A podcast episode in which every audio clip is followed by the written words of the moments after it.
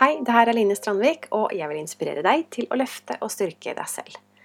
Jeg jobber, som du kanskje vet, med emnet bli eller gå. Og jeg har kunder som både er single, som har vært altfor lenge, som savner en kjæreste, og de spør hvordan kan jeg få en kjæreste som elsker meg. Og så har jeg de som er sammen med noen, men som ikke føler seg elsket av sin partner. Og de spør hvordan kan jeg få kjæresten til å elske meg mer. Og felles for de her to er jo hvordan kan jeg føle meg elska? Det handler om en følelse. Det er alltid en følelse vi ønsker oss. Og jeg pleier å svare at du må elske deg selv for at andre skal kunne elske deg. Det høres jo fint ut, det er sikkert, du har hørt det før, det er mange som har hørt det før, men hvordan gjør man det i praksis?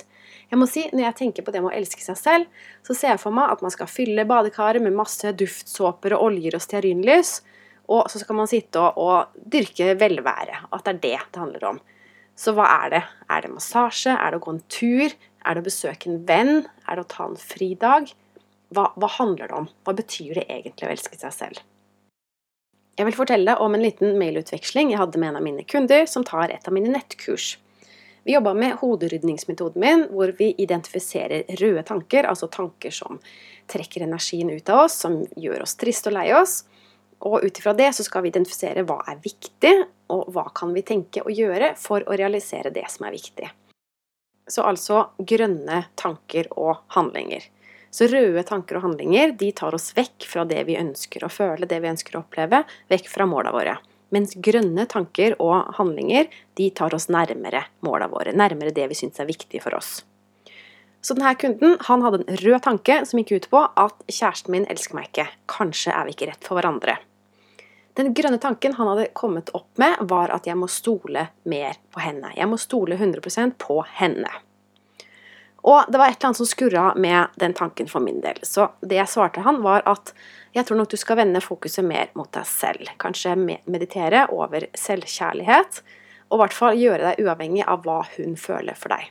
For det som ofte skjer når vi er usikre, er at vi faktisk støter folk vekk. Og det er jo det stikk motsatte av det vi ønsker. Når vi føler at ikke vi er verdt å elske, så blir vi ikke like flinke til å elske. Da holder vi oss litt tilbake. Han svarer videre at 'jeg tror faktisk hun elsker meg'. ikke sant? Så det handler ikke om det, det er bare en frykt. Han innser det selv, at det er en frykt. Um, og så skriver han jeg, jeg skjønner tankesettet ditt, jeg er enig i det, at man må elske seg selv for å bli elsket av andre og sånt nå. Det tror jeg er essensielt. Men så skriver han på den andre siden så er det jo en grunn til at vi mennesker ønsker å være i tospann, ønsker å gifte oss, skape noe felles, ha trygghet, dele gode, dårligere tider med osv. Derfor så føles det litt hardcore å ikke skulle ha behov for partnerens kjærlighet, og ha den tryggheten og trøsten når man har det tungt. Så jeg skriver tilbake. Først og fremst, fint at du skriver om det som skurrer for deg, for da får jeg mulighet til å forklare nærmere hva jeg mente. Det var ikke slik jeg mente det. Vi skal ikke være alene. Men saken er at når vi elsker oss selv, så vil vi oppleve at kjærligheten kommer til oss i form av andre mennesker. Vi elsker oss selv gjennom andre. Det skjønte han. Og et annet eksempel fra arbeidsplassen.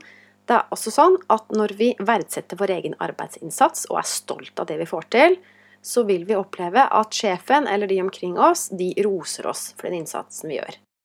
Så jeg skriver videre at jeg tror du vil oppdage at når du savner hennes kjærlighet, og du vender deg mot deg selv og fyller opp deg selv fra innsiden, så vil hun snu om og uttrykke sin kjærlighet til deg.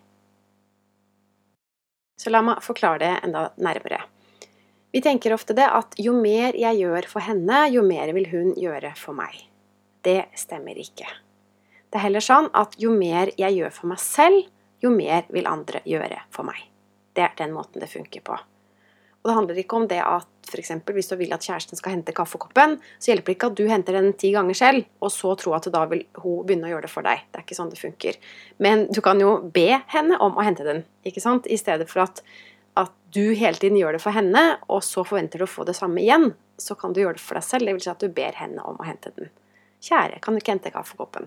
Det er også selvkjærlighet å be andre om å gjøre ting for oss. Så greia er jo mer vi elsker oss selv, jo mer vil andre elske oss. Og motsatt, når vi driter i oss selv, så vil vi tiltrekke oss mennesker som driter i oss. Det er mange som savner nærhet i livet sitt, enten de er single eller lever i et parforhold uten nærhet, så savner de nærhet. Og det er et ordtak som heter at det eneste som kan mangle i et forhold, det er det vi ikke gir selv. Så tenker du at ok, så skal jeg gi mer nærhet til den andre. Men det gjør jeg jo. Jeg er jo til stede, og jeg spør hvordan det går, og ditt og datt.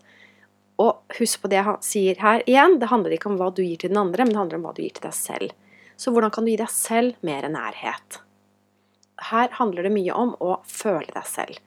Og kjenne etter hva du har behov for.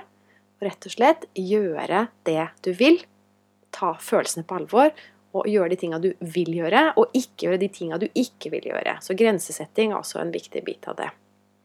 Det høres enkelt ut, men vi gjør det ikke. Vi føler ikke oss selv. Vi kan ha en tendens til å ønske oss vekk fra oss selv. Og det gjør vi med å spise for mye, vi drikker for mye, vi trener for mye, vi har altfor mye mennesker rundt oss enhver tid, jobber for mye, og vi medisinerer oss. Og greia er, når vi går vekk fra oss selv, så vil også andre gå vekk fra oss. Hvis ikke vi kan klare å ha nærhet med oss selv, så kan vi heller ikke ha nærhet med andre mennesker. Så så enkelt er det egentlig. Å elske seg selv betyr egentlig bare å være til stede for oss selv. Å føle hva vi ønsker å gjøre og ikke gjøre. Ikke stikke av. Ikke fade ut. Ikke gjøre altfor mye, distrahere oss selv hele tiden, men være til stede. Rett og slett sette seg ned Ta en dyp innånding. Bare kjenne etter hvordan har jeg det akkurat nå. Hva vil jeg akkurat nå? Og gjøre det ofte. Ikke bare en gang i måneden, men daglig hele tiden.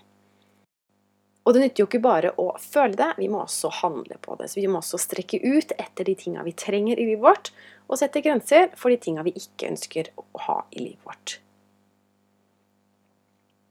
Så hva føler du? Hva trenger du?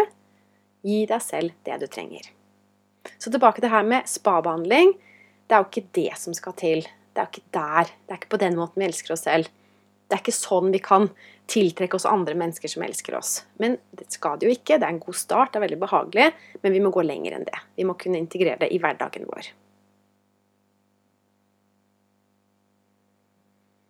Så det var alt for i dag. Jeg håper du abonnerer på mine podkaster via iTunes, eller enda bedre, gå inn på linestrandvik.no og legge igjen navn og e-post, så får du mine fem tips til hvordan du kan øke selvfølelsen. Da kommer du inn på min mailliste og går ikke glipp av noe. Da får du mail hver gang det skjer noe. Du kan når som helst skrive deg av denne maillisten igjen, så no strings attached. Da gjenstår det bare å ønske deg en super dag videre. Takk for nå.